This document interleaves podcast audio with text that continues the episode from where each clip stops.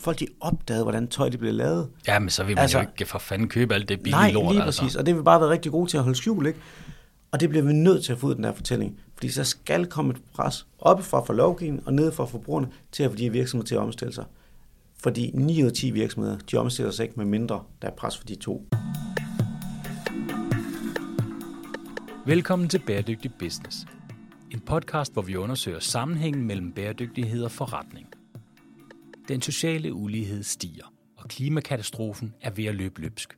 Konsekvenserne af biodiversitetskrisen og kollaps af økosystemer er ganske uoverskuelige. Men vejen ud af problemerne er, at vi laver en verden, hvor bæredygtighed kan betale sig. Mit navn er Steffen Marksø. Jeg er forfatter og foredragsholder og direktør i konsulenthuset Sustain Business. Jeg taler med førende eksperter om, hvordan bæredygtighed kan gøres til god forretning. Mit navn det er Lars Ries. Jeg er stifter og bomuldskrammer hos det fantastiske tøjfirma Elsk. Hej Lars. Hjertelig velkommen til Bæredygtig Business. Tak fordi du kom. Allerede fra starten af, hvor det var, at du lavede Elsk, der Ja. begyndte jeg at kigge på din virksomhed, fordi jeg tænkte, nå, det var sgu da meget spændende. Og, øh, og så var det også lidt det der med, at der har jo været rigtig mange igennem tiden, der har startet tøjbrands, som var i og å så bæredygtige. Og så er det som om, at det sådan fader lidt ud, og jamen, der, der sker måske ikke helt det, man havde håbet på. Men du har alligevel holdt ved rigtig, rigtig lang tid, og man kan også mærke, eller rettere sagt se, at der er virkelig mange, der begynder at bruge dig. Du kommer i rigtig mange forskellige interviews, fordi du også over tid ligesom har, har bevist, at du rent faktisk mener det. Mm. Men inden vi folder elsk og forretningen elsk ud, kan du så ikke lige prøve at fortælle os lidt, hvordan øh, er du kommet ind i tøjbranchen? Hvad har du tidligere lavet, før du lavede elsk? Jamen, øh, siden jeg begyndte min erhvervskarriere, der har jeg faktisk været i tøjbranchen. Og, øh, og jeg kommer fra det helt modsatte af, hvad Elsk det er i dag. Så jeg kommer fra det, man kalder lidt mere fast fashion, den store kommercielle verden. Sidste virksomhed, jeg arbejdede for, inden jeg stiftede Elsk, var en omsætning på 28 milliarder dollars, 275.000 medarbejdere. Så det er stik modsatte af Elsk. Og øh, det bliver jeg virkelig, virkelig bit af. Men jo mere man så kom ind i den branche, jo mere man arbejder med det, jo også jo mere man kom lidt ud på fabrikkerne og lidt om på den anden side af den her famøse medalje, så så man, at alt måske ikke var, som man rent faktisk troede. Så øh, for en del år siden efterhånden, så begyndte jeg sådan at gøre nogle tanker omkring, hvad jeg gerne ville med mit liv, hvad for nogle værdier jeg havde og har, og fandt ud af, at øh, det kunne godt være, at jeg skulle prøve at lave min egen lille livsstilsforretning. Så det vil sige skabe en forretning, som er bygget ud på den måde, jeg gerne vil leve mit liv på, den hverdag, jeg gerne vil have, men også ud for de personlige værdier, jeg har. Øh, så elsker ligesom fundere ud på den tro øh, og det værdisæt, som jeg har og min daværende medstifter havde også. Og der blev ligesom enige om, at vi gerne ville lave noget, hvor det, ligesom, det var ordentlighed og kvalitet og det gode historie, det gode produkt, der var i højsædet. Og til at starte med, så var det faktisk ikke noget som helst med bæredygtighed at gøre. Det var bare at gøre det ordentligt, som også er et begreb, vi faktisk foretrækker at bruge den dag i dag. Det er meget sjovt, det der, du taler om med, øh, med at modebranchen er meget forførende. Jeg kan også se det på min datter. Hun er 14 år. Ikke? Hun begynder mm. at tale om, hvor skal hun til at arbejde hen med fritidsjob, og hvad skal hun lave. Og, altså, den der modebranche er jo super forførende. Fordi det er jo spændende, og det er alt det nye, og det fine, og det knitrer, og det ene og det andet. Men der er jo virkelig også kommet en opmærksomhed på, at modebranchen i høj grad producerer rigtig, rigtig meget klimabelastning, rigtig meget affald, rigtig mange vandproblemer, rigtig mange kemikalieproblemer, og alle de der ting. Den dækker hele paletten. Når man sådan starter med at lave sådan en formålsdrevet virksomhed, altså, var du ikke sådan lidt bekymret for at skulle til at kaste dig ud i det her? Fordi du har jo ligesom set, hvordan de store spillere, de gør, altså der, det har jo rigtig meget med volumen at gøre, og ned i pris, ja. og det er jo også et lidt prisfølsomt øh, marked, vil jeg påstå. Var du ikke sådan lidt bekymret for, om man kunne lave sådan en lille subbrand, der handlede om alt det ordentlige og den slags ting, altså? Ja, altså frygten for at fejle er jo større end viljen til at vinde hos de fleste mennesker. Det er derfor, der er så få iværksættere. Det er Det også derfor, der er så få, der tør at stille sig op og tage straffesparket. Ikke? Det er fordi, man er bange for at blive gjort til grin. Så der er jo altid en eller anden ting, der nærer i baghovedet om den her frygt for at fejle. Og sådan er det den dag i dag. Altså den ene dag, der tror jeg, vi råber hele verden, og den næste dag, så tror jeg, vi går konkurs. øhm, så det er, sådan, det, det, er jo det, der er med at være iværksætter. Det skal man ligesom Det er jo det håndtere. Jeg vil sige, faktisk det, der gav mig en tro på, at vi kunne gøre en forskel i branchen, det var ved at kende branchen så godt. Og hvis man, øh, hvis man laver en konkurrentanalyse, så går man jo rundt op og ned ad strøget og kigger på, hvad gør alle de andre, hvad kan vi lære af dem, og hvad kan vi så gøre bedre. Men det er jo den nemme del. Den svære del... Det er jo at Red kigge på- Ocean, som det hed i gamle den, dage. Ja, lige præcis. Den svære del det er jo at kigge på, hvad gør alle de andre ikke, men hvad der er et marked til. Og det var sådan set det, vi prøvede på at se. Vi tror faktisk, at der er nogle forbrugere, der gerne vil have substans i stedet for overflade, der er træt af det her forførende glitter champagne race og som gerne vil have noget ordentligt tøj, og som gerne vil købe det fra et brand, som skiller sig lidt ud. Så vi er jo i skønne ty, i stedet for den hårde brosten over på København. Vi prøver at lave mode lidt mere ned på jorden. Vi plejer faktisk at sige, at vi ikke er i modebranchen, vi er i tøjbranchen. Det er noget helt andet.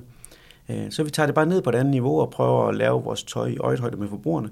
Så vi laver ikke fast fashion, vi laver det, vi kalder moderigtigt tøj, men også tidsløst tøj.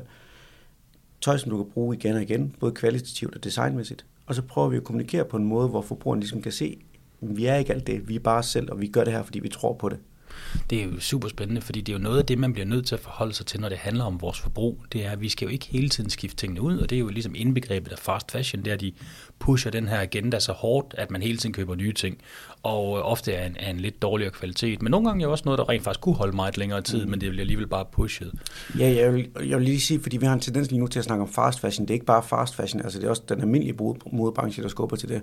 Så det er bare eskaleret endnu mere med det her fast fashion, enten det er Shein eller H&M osv., der kommer med alle de her kollektioner hele tiden. Ja, man kan sige, det går jo også meget bredere end bare modebranchen. Ikke? Altså, det er jo principielt også med rigtig mange andre ting, vi køber derude. Altså, øh, møbelbranchen, der ser vi det jo også. Altså, vi ser det virkelig mange steder. Men, men det er jo her, hvor jeg synes, kommunikationen bliver så svær, og noget af det, jeg synes, du er rigtig god til, det er at være troværdig i din kommunikation omkring det her arbejde. Nu kalder vi det bare bæredygtighed, men det er ligesom sådan et blevet mm. fælles begreb. Vi ved godt, at det er sådan lidt svært ord at bruge. Men jeg synes, du er meget troværdig i det, du gør. Men det, du fortæller her om, at man laver tidsløst design og det ene eller andet, altså det kan man jo lige så nemt postulere, hvis man arbejder i alle andre virksomheder, hvor det måske ikke er rigtigt. Altså det, jeg mener, det er, mm. det er super svært at dokumentere, at man laver tidsløst design. Ja, der tror jeg, at, at der er flere forskellige ben i det her. Så lige nu snakker vi jo rigtig meget om certificeringer og lovgivning. Alle de her ting, som er super, super vigtige for at sikre, at virksomheder overholder det, de siger, ja. de gør. Øh, også for at skubbe til en branche, som bliver nødt til at få noget lovgivning, fordi lige nu er det bare det vilde vesten. Vi er selv i gang med en masse certificeringer også, øh, så vi har for eksempel 1% for the Planet, hvor vi donerer 1% af vores omsætning til miljøbeskyttelse. Vi er lige, det er breaking news, vi er lige blevet B Corp certificeret også. Tillykke. Øh, tak for det. Og alle mulige andre certificeringer i forhold til vores produkter, som vi arbejder Svanemærket. på. Svanemærket har vi også, ja. Men alt det, selvom man normalt vil sige, at det er virkelig vigtigt, så er det faktisk sekundært for os. Også i forhold til vores kommunikation. Fordi det, der er fordelen for os, det er, at jeg faktisk tror, at folk godt kan se, at vi mener det. Og det, og det er det, der hele essensen i det. Så de her certificeringer, ja, jamen, de er jo fine at have, men, men det betyder faktisk mindre, end jeg tror, mange folk tror. Specielt mange virksomheder tror i forhold til slutforbrugeren. Hvor det, vi har held med, synes jeg, det er, at folk kan se, at vi faktisk mener det. Og så en ting, som vi er virkelig opmærksom på, det er også at kommunikere ud det, som vi gør dårligt, og som vi ikke gør godt nok. Fordi vi har virkelig mange fejl, vi har virkelig mange ting, som, som slet ikke er på det niveau, vi gerne vil. Og det allervigtigste for os, det er, at vi får en dialog omkring forbrugerne med det her, og noget af det allervigtigste, vi har som formål med hos, øh, hos selv skal gøre, det er at inspirere forbrugerne og andre virksomheder til at tænke mere grønt, til at tænke bedre kvalitet, grønnere forbrug, mindre forbrug. Og hvis vi virkelig skal gøre det, øh, og få de virksomheder og forbrugere med ombord, så kræver det også, at vi er åbne omkring den her proces, hvad det er, vi fejler på, hvad det er, vi gør godt. Det er en fed pointe at sige, at, at I kommer jo ikke bare med de her fortællinger om, at vi laver tidsløst design, som, som mange nok vil være enige i, at I gør, fordi det er jo ikke sådan noget med, at det skifter farver lyn hurtigt, og det er ikke sådan, at I kommer med nye kollektioner hele tiden. Og så, så, så der er jo ret mange sådan objektive ting, man vil mm. kunne, kunne se og kunne få det bekræftet via. Men det bakker jo rigtig meget op om fortællingen, at der er også etablerede certificeringer. Altså det viser jo også, at man gør andre ting. Så jeg vil sige, når man sådan går jeres hjemmeside igennem, altså så er jeg slet ikke kun i tvivl om, det er også derfor, vi sidder og snakker i dag, at, at man rent faktisk mener det. Men lad os lige tage fat i nogle af de her certificeringer, fordi B Corp kommer vi til at lave en rigtig spændende episode omkring, og en, en certificering, jeg synes, der er rigtig spændende. Svanemærket er jo også en af de mest ambitiøse, øh, altså af de brede certificeringer, mm. vi har her hjemme i Danmark. Men den der 1% for the planet, mm kan du ikke fortælle lidt omkring den? For den skal jo ikke blande sammen med den, rockerne har. Der er jo 1% af rockere, mm. som er dem, der er uden for samfundet, ja. øh, som er uden for landets lovret. Ja. Og det er ikke det, vi mener, vel? Det er ikke det, vi mener, nej. Nej, nej det vi mener, det er sådan set, at, at da vi startede, så var vi ret bevidste om, at lige meget hvor grøn vi vil lave vores produktion, og lige meget hvor, hvor gode vi vil lave vores produkter, så vil det altid have en belastning. Så det mindste, vi kan gøre, det er at give lidt tilbage. Nogle vil mene, at skattetrykket i Danmark det er højt nok, men vi sagde ligesom til os selv, lad os lave vores egen lille jordskat. Det vi godt kan lide ved 1% for the Planet, det er, at det er 1% af omsætningen, der hele tiden går til miljøbeskyttelse. Så vi arbejder for eksempel tæt sammen med den danske Naturfond, så også doneret til Plastic Change. Øhm, Og så betaler vi ved siden af det et administrationsgebyr, som ligesom går om til administration i de her penge inden ved 1% for the planet. Men det er altid lige meget om vi taber penge eller tjener penge, så giver vi noget tilbage. Og, og det der er sjovt, faktisk både med 1% for the planet, men også hele den her grønne rejse, det er, at, at når man først begynder at gøre de her ting, når man begynder at arbejde med tingene, når man begynder at give penge væk, så på det personlige niveau, både for, for, for mig, men også for forbrugerne og for kunderne, øh, og for vores medarbejdere i høj grad også, når man så kan se, hvad forskel man faktisk kan gøre, når man kan se, hvad de her ting de giver, jamen så får du en helt anden passion og lyst til at gøre de ting. og, og det paradoxale er, jo flere penge vi giver væk, jo flere penge får vi lyst til at give væk. jamen det er dejligt. Jeg vil så sige én ting, hvis vi skal være selvkritiske også ja. på det her. Så den balancegang, vi hele tiden har i det her, det er jo lige nu giver vi 1% af vores omsætning væk til miljøbeskyttelse.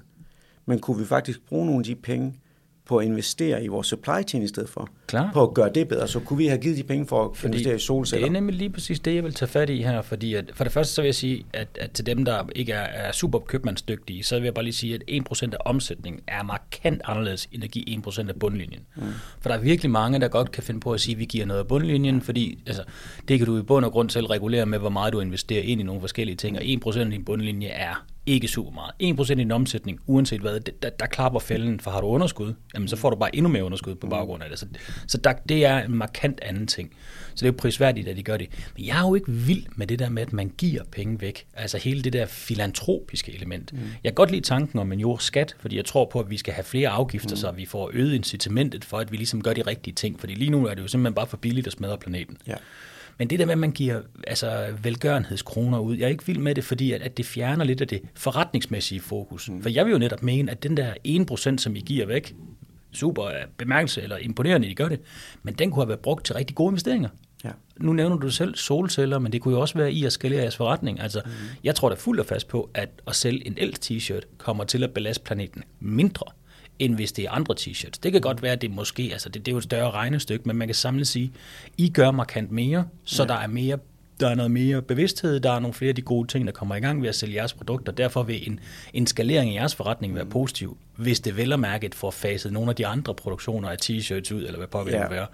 Og det er der selvfølgelig heller ikke men, nogen garantier for. Nej, og der, men der er også igen flere, flere elementer i det der, fordi den ene ting i forhold til det med vækst og omsætningsvækst, jamen der tror vi jo faktisk på, at hvis ikke vi gjorde det her med 1% for the planet, og alle de andre ting, som vi gjorde, så var vi slet ikke, så fandtes vi slet ikke. Så, så vores revisor bankmand siger, det er godt nok dumt. ja, det er det. Men hvis ikke vi gjorde det, så var vi ikke, fordi det er det, der ligesom adskiller os fra andre brands, og det, man kan, det er det, der gør, at man også kan se det. På et tidspunkt, der var der en Black Friday, hvor vi donerede 100% af vores omsætning væk. Ja, det er altså meget. Det er ret meget, ja, det er virkelig dumt. og det var bare en kæmpe karma boomerang, fordi vi har solgt rigtig, rigtig fint på den Black Friday, og så bagefter så troede vi, nu har vi lige halvanden måned, hvor omsætningen den lige nul, fordi alle vores gode, trofaste, loyale fans, de har jo købt. Men dagen efter, så steg omsætningen jo helt vildt. Fordi det ligesom spredte sig som ringe i vandet. Det, her. det var rigtig god markedsføring, og alle de folk, der havde købt det her produkt, fortalte jo om det. Øh, så det er det ene element i det. Det andet element, det her med at investere bagud i værdikæden, også i produktionen, der er det det med 1% for the planet, synes vi, at det er så gennemsigtigt, at, at, at det er sikkert, at vi gør det. Vi kan ikke bilde os selv ind. Altså ligesom du kan jo sige, så har vi investeret x, y, z kroner herover på noget. Med 1% for the planet, så giver vi det her væk, og det er vi ligesom committed til, og det er gennemsigtigt. Så det er både for os selv, men også eksternt en god ligesom, målestok for, at vi gør noget. Så det er mere faktisk i forhold til vores overskud lige nu, hvor jeg har en, en, en hård, fin balance, fordi at vi skal tjene penge. Vi skal have et overskud, for hvis vi ikke gør det, så kan vi ikke inspirere andre virksomheder til at, til at tænke den her vej. Vi skal også tænke langsigtet i forhold til at bygge en egen kapital op, og, og målet med Elsk, det er ikke, at vi bare skal være det næste år, det er, at vi skal være om 50 år også. Så vi skal bygge noget økonomi op, der sikrer det. Men samtidig med det, så skal vi ikke tjene for mange penge, fordi det er ikke det, vi gerne vil. Vi vil faktisk gerne investere i de her andre ting. Og det er også det, der gør, at vi faktisk lige nu inde og kigge på, okay, vi skal være større, end vi er lige nu. Det bliver vi i går så desværre nødt til. Det er ikke, fordi vi har lyst til det, men det vil godt se, at hvis vi virkelig skal lægge pres på vores producenter, hvis vi virkelig skal udvikle noget på den innovative side også, så bliver vi nødt til at komme med en vis volume. Lige nu ved at kigge ind i regenerativ øh, landbrug og regenerativ bomuld. Vi er ved at kigge ind i langt mere genanvendte materialer, ved at kigge ind i, øh, i naturfarver og sådan ting. Og når vi skal gøre de ting sammen med vores producenter, så nytter ikke, at vi kommer og siger, at vi skal bruge 100 t-shirts. Og det her det er faktisk en ekstremt vigtig pointe, fordi det vi jo hele tiden skal tænke på, det er, at vi er jo i konkurrence med alle de klassiske forretningsmodeller, som handler om, at man relativt billigt skaffer materialerne, man sørger for at holde lønninger så langt ned som overhovedet muligt, du sørger for at sælge produkter så dyrt som overhovedet muligt, du minimerer alle omkostninger og øger alle udgifterne så meget som muligt øh, øh, i forhold til din egen forretning naturligvis, så du tjener så meget som muligt. Pointen det er, at man bliver nødt til at få en vis størrelse, så man kan trykke bagud i værdikæden, men også sådan, så man kan se, at investorerne de kan se, okay, det her det kunne godt være fremtidens forretningsmodel. Hvordan balancerer du det, altså i forhold til sådan den meget formålsdrevet tanke, du har? Altså, hvordan tænker du i det her med, at vi skal vokse som virksomhed, men, men der er jo også noget at gøre med, at, at jo større man bliver, jo mere markedsfører man kommer ud, man kommer også til at pushe flere produkter ud, mm. og det er jo ikke ligefrem nogle produkter, som verden mangler. Det har du også selv sagt i flere mm. interviews, at, mm. at det er jo svært at have en virksomhed, hvor man laver et produkt, som verden grundlæggende ikke har brug for. Vi har jo ved Gud tøj nok til mange ja. år. Altså det store paradoks, det er jo, at jeg har selvfølgelig en sælger ansat, og hver dag så spørger jeg ham, hvad er du solgt for? Velvidende, at verden har virkelig brug for flere trøjer eller kjoler. De har brug for færre stykker tøj, og bruge det tøj, der allerede ligger ud meget, meget mere.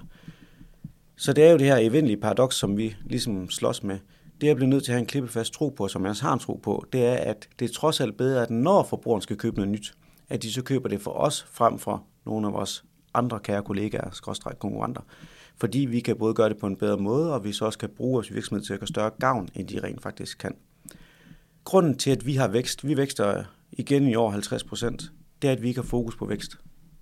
Det er, at vi ikke har en sælger, som er bygget op på provision. Det er, at vi ikke pusher, pusher, pusher. Det er, at vi prøver at jagte organisk vækst. Du har ikke, øh, hvad hedder det, salgskopier, altså bonusser, der bliver udløst på, hvor meget de sælger og den slags ting? Nej, det har vi ikke. Der er flere elementer. Det er et, så er det ikke det, vi tror på, det vi vil. Og to, så tror jeg faktisk, tit, det har en modsat effekt, fordi jo mere du er ligesom er presset til at sælge noget, jo mere nervøs bliver du, så sælger du faktisk ikke noget. Sådan er det nogle gange. Øhm, så, så jeg vil faktisk sige det modsatte. Og, og noget af det, du nævner der, det er det der med, hvordan vi sikrer, at vi er på rette vej, og hvordan jeg balancerer alt det her. Og det allervigtigste, det, det er jo faktisk, at min organisation, altså mine medarbejdere, de tror på de ting, vi gør, fordi så hjælper de med det. Og, og noget af det, som jeg ser rigtig tit, og som gør mig både ked af det og frustreret, det er, når jeg er ude og holde foredrag og snakke med topledelsen i forskellige virksomheder, så siger de, nu skal vi til det her. Nu skal den grønne omstilling. Så ligger alle de her kopier herover, som alt det med økonomi og salg, og det er det, medarbejderne rent faktisk bliver målt på. Ja, det er, det er en ting. Men den næste ting, det er så, at så står de og siger de her ting, og så alligevel får de udleveret alle deres vand på flasker, og så kommer den billige t-shirt med firmaets nye slogan på. Det er det. Og så bliver det bare falsk over for medarbejderne. Og så kan medarbejderne også godt se, at det i går så en bare greenwashing. Og nogle gange så er der også ledelsen, der gør det ubevidst, fordi de ikke tror nok på det. Altså, det kan godt være, at de tror på det, men tror ikke nok på det. De sætter sig ikke ind, ind i, hvad det betyder for organisationen der. Og så er det svært at få en organisation, der skubber tilbage til ledelsen. På et tidspunkt så havde vi en, øh, en praktikant inde, og øh, så var vi ved at lave produkt, og så står jeg med praktikanten og siger, at det er svært der, fordi hvad er den bedste måde at gøre det her på, og den her koster sådan og sådan. Og, og så siger jeg, hvad vil du gøre, hvis du var? Så siger hun til mig, jamen, hvad er den mest, øh, mest grønne måde at gøre det på?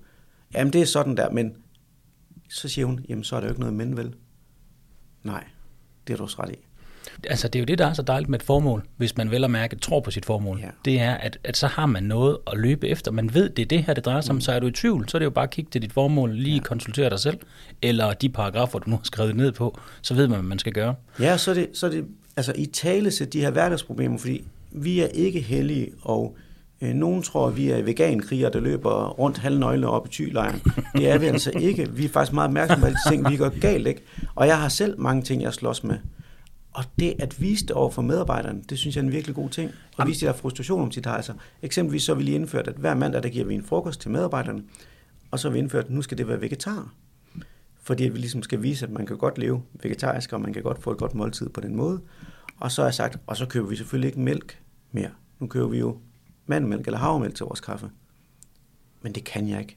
Altså, jeg, jeg har prøvet, og jeg skal have min almindelige komælk. Så nu må jeg selv købe den af egen lomme, og til den mænd. Og så ligesom sige det her, sige, at det, mm. vi jo, altså, ja. vi fejler også på det her. Og det er jo der, troværdigheden kommer ind. Og det der er jo, altså, der, der tæller man jo ind i hele det her med den psykologiske tryghed. Det er, at altså, det er jo lige præcis det, Putin ikke har. Han har mm. fået en masse rygklaver, der kun siger ja, ja til ham hver eneste gang, han siger noget, og han får aldrig nogensinde nej.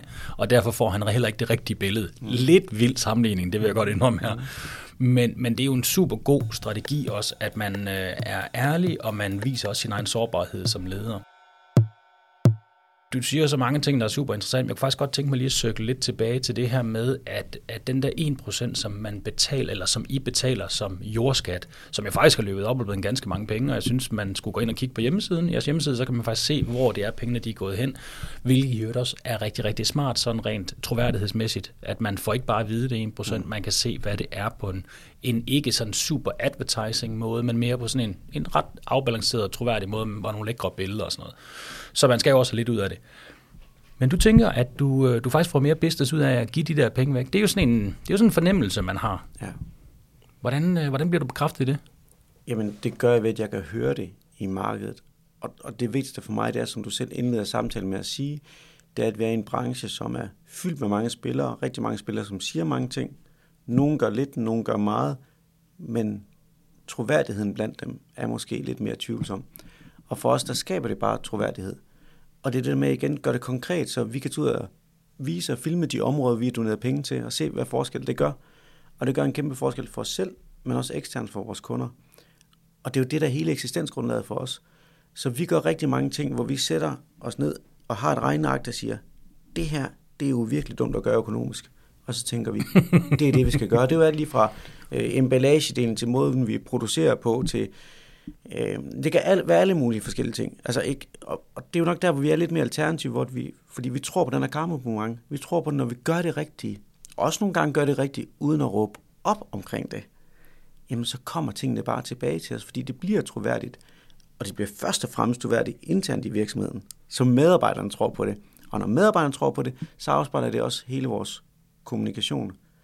Jeg kan give et lille eksempel på, øh, hvordan vi tror på den her karma boomerang. Vi har lige lavet et samarbejde øh, med Copenhagen Pride, hvor vi kommer til at stå for alt deres tøj og alt deres merchandise, så vi får en fin lille båd øh, til august til Copenhagen Pride. Har I tænkt jer at beholde logoet, også hvis der er nogen, der er sure? Skal jeg bare lige høre. Det har vi i hvert fald. Faktisk er det jo lige vand på møllen. Nu sidder vi i en situation, hvor Christian Hansen har været ude og lave lidt om i deres markedsføring på grund af Copenhagen Pride. Der er lidt rygsvømning der. Ja, og det er lige præcis sådan, at det er dejligt for os. Fordi så kan vi netop sige, det er selvfølgelig det, vi ikke gør. Vi holder ved, fordi det er det, vi tror på, det vi vil.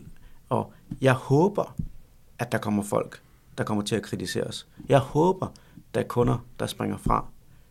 Jeg har også altid sagt, at jeg er ikke bange for at havne på forsiden af Ekstrabladet, fordi hvis Ekstrabladet de kom, så kunne de godt åbne vores affaldscontainer og finde et stykke, der var sorteret forkert, eller hvad ved jeg. De vil altid kunne finde ting, som siger, hey, det her grønne tøjmærke, det gør stadig godt, tingene er godt nok. Det er jeg ikke bange for, fordi vi må gerne skubbe folk fra os. Fordi hvis vi ikke skubber nogen fra os, så skubber vi ingen til os. Og vi vil hellere have loyale fans, end vi vil have mange kunder. Så det er sådan hele fundamentet for os. Og i forhold til det med Copenhagen Pride, det der var pointen der, det var, at så tager jeg fat i vores fabrik i Tyrkiet, og siger, det her projekt, det vil vi rigtig gerne lave. Copenhagen Pride, de er lidt, mm, Tyrkiet, er det det rigtige sted at gøre det her? Fordi det er måske ikke lige... Fordi I producerer dem? Ja. Det, okay, den, den og det er klart, om, om menneskerettigheder og yes, noget, måske præcis. super godt dernede. Ja, øh, og jeg siger, det er lige præcis derfor, vi skal gøre det dernede. Fordi det er et land, hvor det til tider problematisk, og vores producent gør faktisk rigtig meget for det her miljø, og gør rigtig meget for deres medarbejdere. Så selvfølgelig skal vi lave dem hos dem, fordi det er netop dem, der skal have hjælp til det her. Og da jeg så tager fat i leverandøren, så siger leverandøren til os, fantastisk projekt, det vil vi gerne støtte op om. I får det her t-shirts til en euro stykket, fordi vi vil gerne gøre det her. Og det er jo lige præcis, altså det er en karma boomerang for mig, fordi det er bare, de, de ved, vi gør det rigtigt over for Pride, og nu kan Pride de også gør det rigtige Om, i forhold til vores samarbejde. Men ja, ja, altså karma boomerang teorien kan jeg sagtens følge, altså, og, og ja, altså, det vil jeg sige, nu bliver det også lidt spirituelt, men altså, når man sender god karma ud, mm. så kommer der også noget tilbage. Ja. Og det man kan sige, I sender ud, det er jo også, det er jo også kommunikation, I sender ud. Mm. Så I sender ud, I tror på de her ting, og det betyder sådan set også, at man... Øh, at de kunder, som så hører om det her, jamen der er nogen, der løber skrigende væk og siger, vi skal aldrig nogensinde have noget med dem at gøre, mm. men dem, der bliver stående tilbage, de forstår jeres budskab, så det er jo ren kommunikation, og det gælder jo også med leverandører og med alle mulige andre. Mm. Men det er også lidt nemmere, når man er en virksomhed på jeres størrelse, mm. end når man er Christian Hansen. Og det er ikke fordi, altså jeg vil sige, det her det kommer jo tilbage til, til den samme ting. Til syvende og sidst, så er det jo troværdighed. Ja. Og Christian Hansen har tabt ekstremt meget troværdighed på det her, mm. ikke mindst over for deres medarbejdere. Ja, men, men, men jeg bliver lidt provokeret nogle gange, øh, i den der med størrelsen. Fordi der er mange ting, der er meget nemmere for os, fordi vi er mindre. Det er vi enige om. Der er også mange ting, der er meget, meget sværere. Fordi det koster mere, fordi det er mere besværligt, fordi vi kan tabe ikke så mange kroner og øre, men procentdel kan det lige nu koste os, fordi vi har nok ikke, nu kender jeg ikke lige Christian Hansens egenkapital, men jeg tror ikke, vi er helt så egen egenkapital, som de har bygget op. Der vil jeg næsten påstå, der er Christian Hansen større. ja, lige præcis. Og det der pointen der, I siger, men det er jo netop nogle af de virksomheder, der burde være villige til at tabe meget mere, der burde være villige til at tage de her risici. Og det frustrerer mig nogle gange. Det, jeg synes, der tit er problemet, også det, der faktisk er problemet med, at jeg tit kommer frem i medierne. Jeg har haft en periode, hvor jeg sagde nej tak til at komme frem i medierne. Nu det sidste år har jeg sagt, jeg vil gerne ud og fortælle vores historie mere, fordi hvis vi virkelig skal udbrede det her budskab, så bliver vi nødt til at komme frem. Men jeg synes nogle gange, det er tankevækkende. Jeg synes nogle gange, det er tankevækkende, at du tager fat i mig og inviterer mig til sådan en podcast her. Fordi vi er en lille bitte fisk. Et kæmpestort hav, der er fyldt med blåvaler. Og de blåvaler, de blaffer alt for lidt med halen, hvis man kan sige det. Øhm, og, og det er sådan en ting, der frustrerer mig helt vildt. Ikke nogen, der tør at gøre meget mere. Nej, men, og det kan jeg godt forstå, du frustrerer. Nu nævner du det her med et nichemarked, og jeg tror, at, at vi sidder her og snakker bæredygtig business. Og mange tror fejlagtigt, at alle vores kunder, de går ekstremt meget op i bæredygtighed, og de er de grønneste forbrugere, der findes. Og er det ikke det? Nej, det er det nemlig ikke. Spændende. Så vi har selvfølgelig mange af dem. Mange af dem, der tror på det værdisæt. Men det er jo ikke kun det, vi kommunikerer ud. Vi kommunikerer faktisk primært noget andet ud også. Nemlig det her med, at vi er det modsatte af alt det andet i branchen. Og det er ikke bare vores produktion. Det er det her med, at vi kommer fra ty. Det er det her med ordentlighed. Det er måden, vi leder vores virksomhed på og driver den på. Det er, at vi laver lidt mere tidløs mode, og vi laver tøj, som kvalitativt er bygget til at holde. Og så faktisk nogle gange gør det med bæredygtighed i godsøjen sekundært. Fordi vi tror også på, at det kan have den modsatte effekt. Og, og det bedste, vi kan gøre, det er jo, hvis vi fik dem, der ikke går op i bæredygtighed, til at købe et bæredygtigt produkt. Klar, det er, da, det er ja. super. Og, og, og, og det, er sådan, det er det, jeg faktisk synes, at vi lykkes med. Det er, at den almindelige forbruger, som ikke nødvendigvis går så meget op i det her, faktisk køber på det her produkt, fordi alle de andre ting er der. Og det er faktisk meget fedt. Det vil jeg gerne signalere det her med ordentlighed. Og jeg vil gerne støtte de her folk op fra af, i stedet for dem, der ligger. Ja, for det er ja. sjovt. Det der med, at de kommer fra af, det har jeg hørt flere folk mm. tale om. Nu har jeg holdt uh, rigtig mange foredrag for den finansielle sektor. Og lige så snart, at det er nogle banker, der kommer op nordfra, og vi snakker omkring bæredygtighed, mm. så, så bliver elske nævnt. Mm. Og var det en strategisk beslutning, I ville ligge i Thy, eller havde du bare lyst til at flytte til Thy, eller havde du bare lyst til at arbejde i Thy? Hvad, hvad var ligesom filosofien? Jeg bor i Klipmøller. Hvis du før har været i Klipmøller, så, altså, så siger det ligesom sig selv, selvfølgelig skal man bo i Klipmøller, så det er verdens skønneste sted.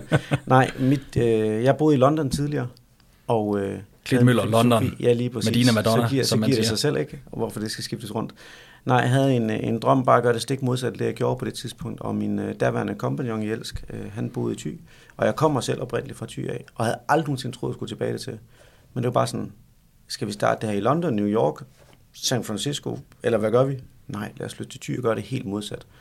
Øh, og det var sådan ret bevidst, øh, både i forhold til, at det var der, vi gerne vil være, sådan en livsmæssigt, på det personlige plan, men også der med, at hold kæft, hvor er det dumt. Derfor så giver det rigtig god mening. Derfor så er det en god historie, ikke?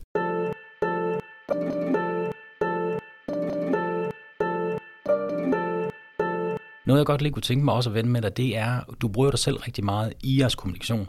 Øh, du er også virkelig god afsender på det. Ikke? Du har den der øh, jyske beskedenhed. Det er sådan meget faktuelt, men, men uden at være påståelig på ting. Altså det er også meget nuanceret. Altså det, du, du er virkelig god til at kommunikere omkring tingene. Og der er jo selvfølgelig noget troværdighed ved, at det er altså de øverste folk i organisationen, der kan gå ud og fortælle noget om det her, fordi man kan jo godt få alle mulige andre i afdelingen til at sige nogle ting, men de øverste folk skulle altså også gerne kunne sige noget sammenhængende omkring det, ligesom alle de andre i organisationen selvfølgelig.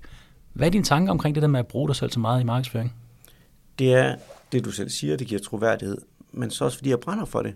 Og det er måske derfor, at 7 13 det fungerer forholdsvis godt. Det er fordi folk godt kan mærke, at det er noget af det, det vi gerne vil, og det er det, jeg tror på os. Og vi vil netop gerne forklare substansen. Så i stedet for at tage et eller andet fancy modelbillede af en gut, der står i New York og har vores trøje på, jamen så vil vi da meget hellere fortælle om, hvem er vi? Hvad tror vi på? Hvorfor gør vi det her? Hvorfor står jeg bag det her? Hvorfor prøver jeg at inspirere på den måde, som jeg gør? Og for resten tilfældigvis. Hvis du engang skal bruge en trøje, så har vi også den, du kan se den her. Det er meget med den vej, vi prøver at gøre det. Og så prøver vi at skabe historie. Det vil sige, når vi sætter en t-shirt i verden, så prøver jeg faktisk at lave en historie bag ved den t-shirt, så det er ikke bare en t-shirt. Og den vil vi gerne ud og fortælle. Og så giver det nogle gange rigtig god mening, at den fortælling kommer fra mig eller nogle af vores fantastiske ansatte. Og så gør vi meget håndholdt. Så faktisk, hver gang vi hører en dyr fotograf ind, så fungerer det dårligere, end hvis vi bare selv tager vores telefon og så filmer det. Jo mere håndholdt, jo bedre, fordi så kan folk se det i øjenhøjde, og det er troværdigt. Så jeg siger, den alt overskyggende grund for at gøre det, det er et, nu er vi jo typer, det er noget billigere. og så er det bedre, fordi det er jo det, vi vil, det er det, vi gerne vil kommunikere ud, og vores største formål, det er faktisk at kommunikere ud omkring de ting, vi gør, fordi så kan vi virkelig præge andre med det. Så selvfølgelig skal vi selv stå og og fortælle den fortælling. Det, det, der er en autenticitet i det. Altså noget af det, som man kan høre her, det er jo, at det er meget tydeligt, at hele den der øh, employee journey, altså den der medarbejderrejse, der ligger i at være en del af jeres virksomhed, at man kan sådan se det forskellige steder fra jeres øh, emballage, altså I bruger Recip, som jo er et rigtig, rigtig godt alternativ til at bruge engangsemballage, så er det jo genbrugt emballage. Så man kan se det forskellige steder, man kan se, at det her, du taler om med at have forskellige typer af roller, og at man gør det anderledes, og jeres produkt, og du betaler selv din komælk, fordi at, at det firmaet betaler den der øh, hørmælk, har jeg med at sige engang, men min kone drikker det også, øh, hampmælk. Ja. Nej, det er heller ikke hampmælk, hun drikker havremælk. Ja. ja, lige præcis, og jeg er også desværre også stadig på komælk, men det skal jeg nok få facet ud. Men pointen er, at man kan se det flere forskellige steder, og det giver noget troværdighed. Mm i stridende kontrast til præcis det, du siger, når du er ude og holde foredrag, eller når du ser de her store virksomheder, som siger, nu vil vi rigtig gerne arbejde meget med bæredygtighed, og så står der plastikflasker nede på bordet, de har købt plastik key hangers, der hænger rundt om halsen, og alt muligt merch, som er fuldstændig ligegyldigt. Ja.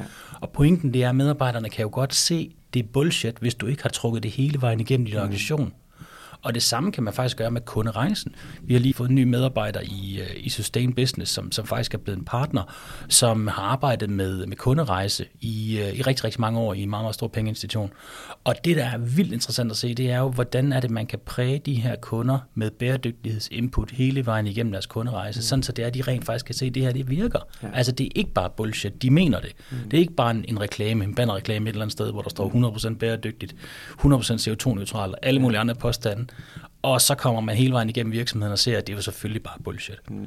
Og det tror jeg er et godt budskab. Ja. Det med, at man tænker i, hvordan er det, at vi kan sikre os, at kunderne og medarbejderne hele vejen igennem oplever, at det her det er mm. ægte. Mm. Og den eneste måde, man kan sikre det på, det er ved at rent faktisk at gøre noget. Ja, så vi har vist det mennesker bag, så for eksempel når man bestiller noget for vores webshop, så får du lige en håndskrevet seddel med, ikke? At, at, at det er personligt at vise, at vi, vi er mennesker, der tror på det her, der gerne mm. vil det her. Ja. Øh, vi bruger noget, der hedder Bonjour også, så lige nu tror jeg, vi ligger på 40% af vores kunder, der bestiller noget på webshoppen, de får faktisk også en videohinsel med, hvor det så er sådan, øh, det kan være mig, eller det kan være Mette, for eksempel hos lærer, der står og siger, hej Steffen, tusind tak, fordi du lige har lagt en ordre. Øh, Mette her fra Elske, du har lige købt den her, vidste du godt, at historien bag den, den er sådan og sådan. Og det giver bare, altså de kommentarer, vi får tilbage fra folk, ikke? Og sådan, hold det op, altså vi får lige pludselig øjenhøjde igen. Det der er vores fornemmeste opgave med alt det her, hvis vi går tilbage til den bæredygtige vinkel, det er for folk lige til at stoppe op, og så tænke sig lidt om. Og vide, at der er faktisk mennesker bag det her. Der er mennesker, der står og pakker det her. Og det er det, vi også gerne vil. Vi vil gerne have den der fortælling frem med, at der er jo nogen, der har stået og plukket den her bomuld. Den er faktisk plukket med hænderne. Ikke? Og der er, altså, bare fra skjorten, så du sidder en skjorte, ikke? bare fra skjortemetervaren rulle ind på fabrikken, og så til den er færdig, der er der over 30 mennesker, der typisk har ved den her skjorte. Ikke? Altså, nogen, så hvis du kan købe en skjorte til 150 kroner, så er der sådan noget galt. Ja, ja så, er det, så er der i hvert fald nogen, der ikke ja. får ret mange penge. Og, og det er jo den fortælling, vi gerne vil hen. Vi vil gerne synliggøre, at der er mennesker bag hele den her proces. Og i bund og grund, så handler det jo faktisk også rigtig meget om at putte mere værdi ind i produktet for kunden. Altså, så, mm. så er det jo ikke bare en ligegyldig t-shirt, som du har givet 100 kroner for et eller andet sted. Så er det en t-shirt, du har givet mere for, men der er også blevet gjort mere ved den. Den passer du mere på.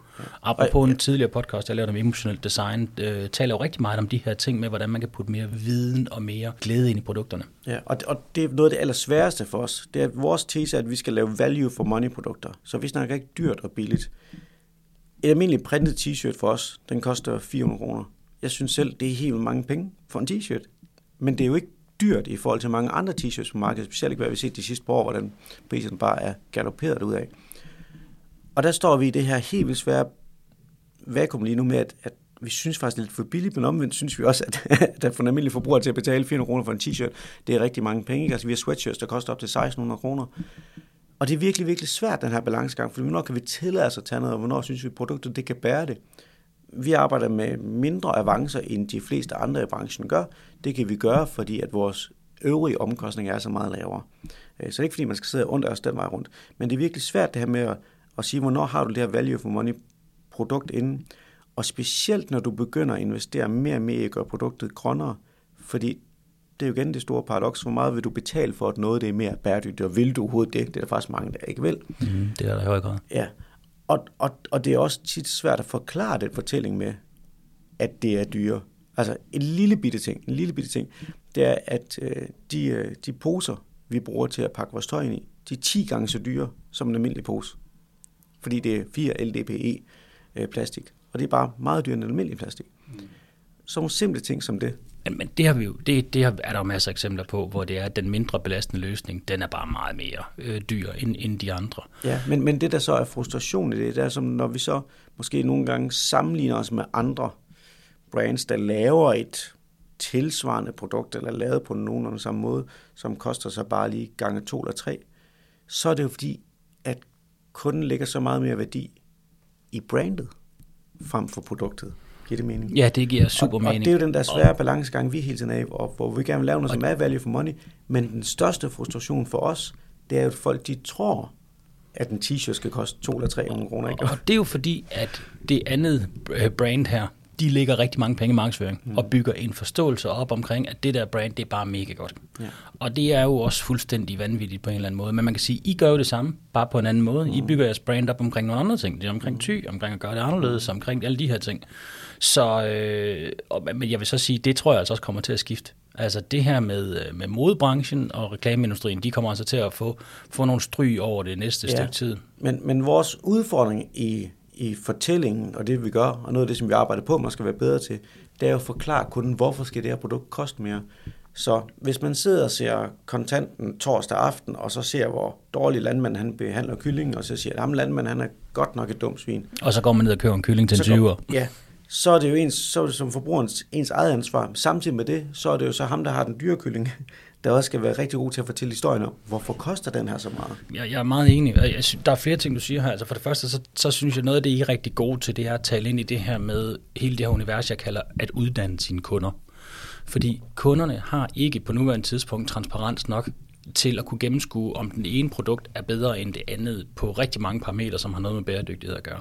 Derfor vurderer de tit på i, de, i, i tøjbrancheregi, der vil jeg forestille mig, at man vurderer på, om man synes, det sidder godt på kroppen, hvilket jo er helt fair legitimt, og så kigger man selvfølgelig på pris, og, og man kigger på, på brand, og man kigger på alle de her ting. Men man har svært ved at vurdere, hvad er de reelle omkostninger for planeten på de her forskellige ting. Så når man ikke har den der transparens, så er det bare ekstremt vigtigt, at man som producent uddanner sine kunder, så de forstår, hvad det drejer sig om. Og der kan man jo også se mange videoer, som I har på jeres hjemmeside, hvor du selv går ind og forklarer om de her nuancer.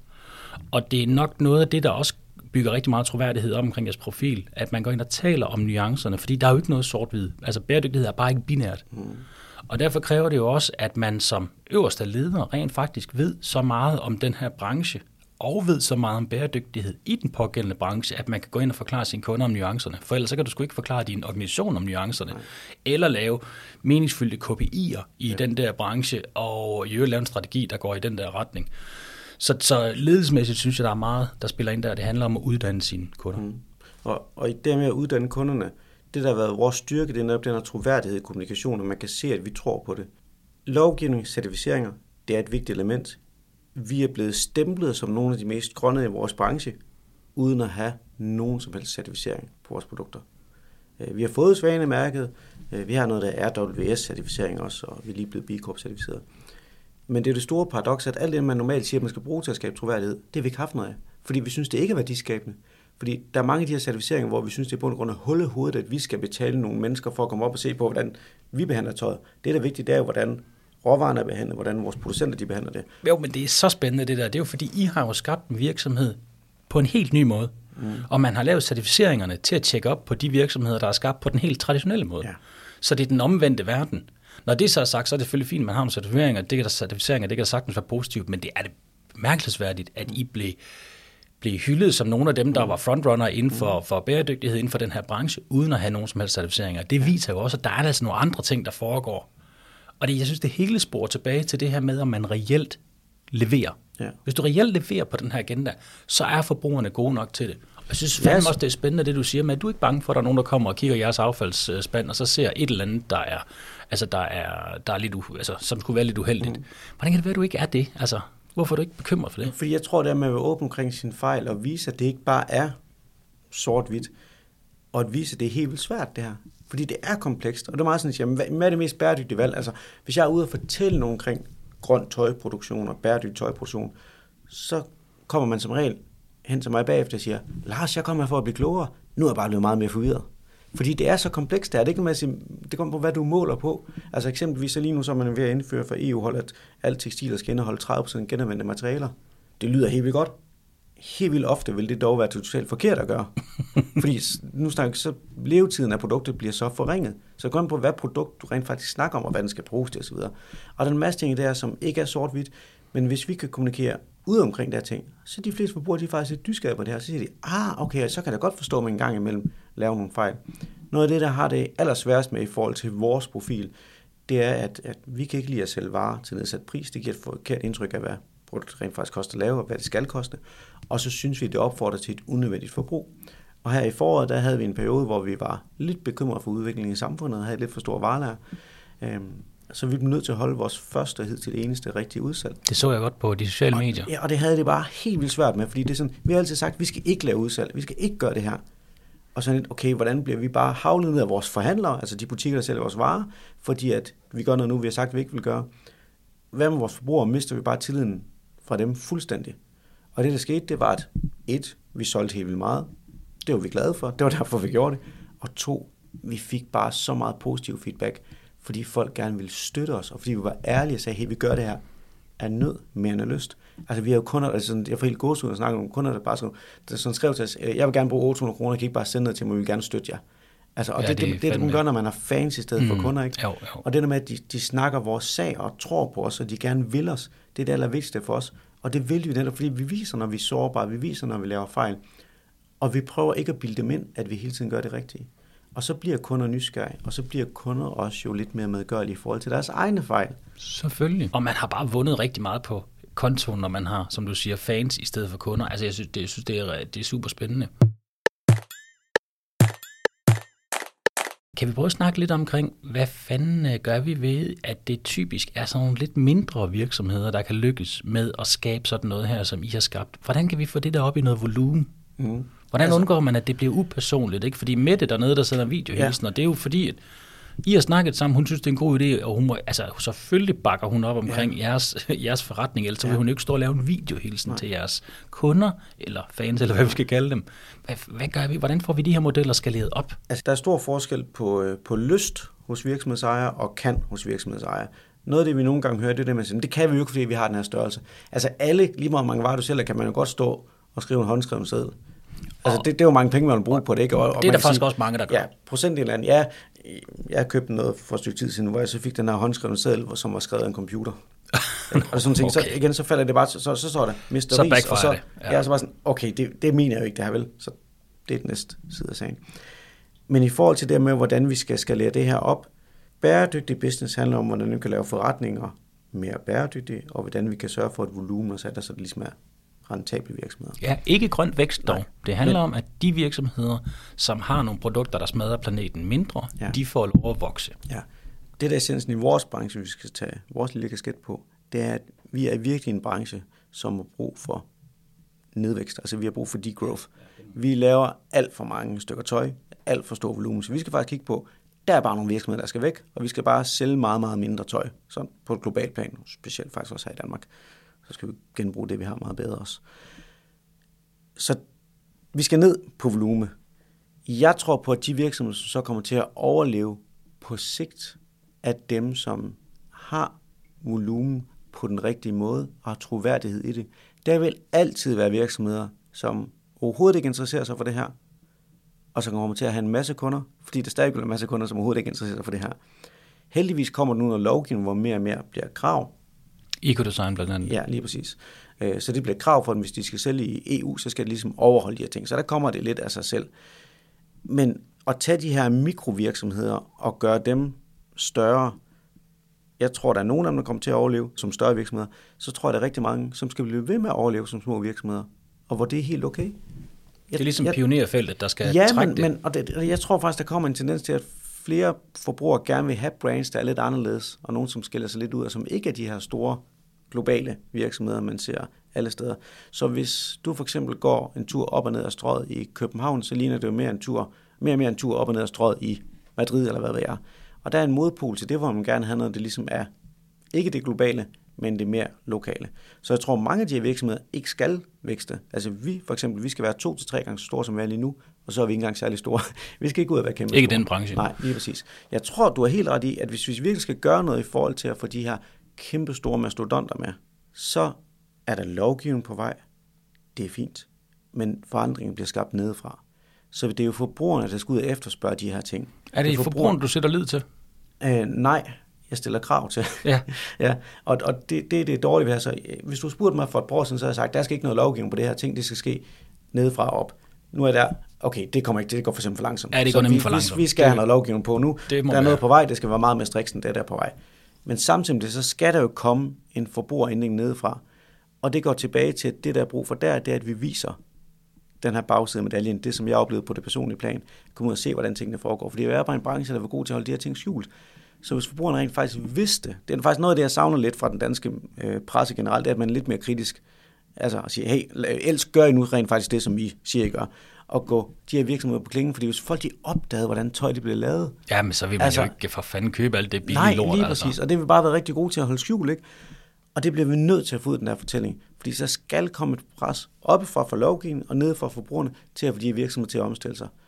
Fordi 9 ud af 10 virksomheder, de omstiller sig ikke med mindre, der er pres for de to steder. Ja, ja, vi to vi er meget enige, hvad det angår, for jeg tror faktisk også, at der kommer rigtig meget bottom-up, og jeg tror egentlig også, at det her det vil omstille sig, hvis vi bare havde tid nok. Udfordringen er, at vi har under 10 år, vi har 7 år, øh, hvor vi virkelig skal lave nogle forandringer, hvis vi skal holde det her inden for 1,5 øh, temperaturstigning, altså Paris-aftalen, så, så der skal ske nogle ting, og derfor så skal der top meget regulering til.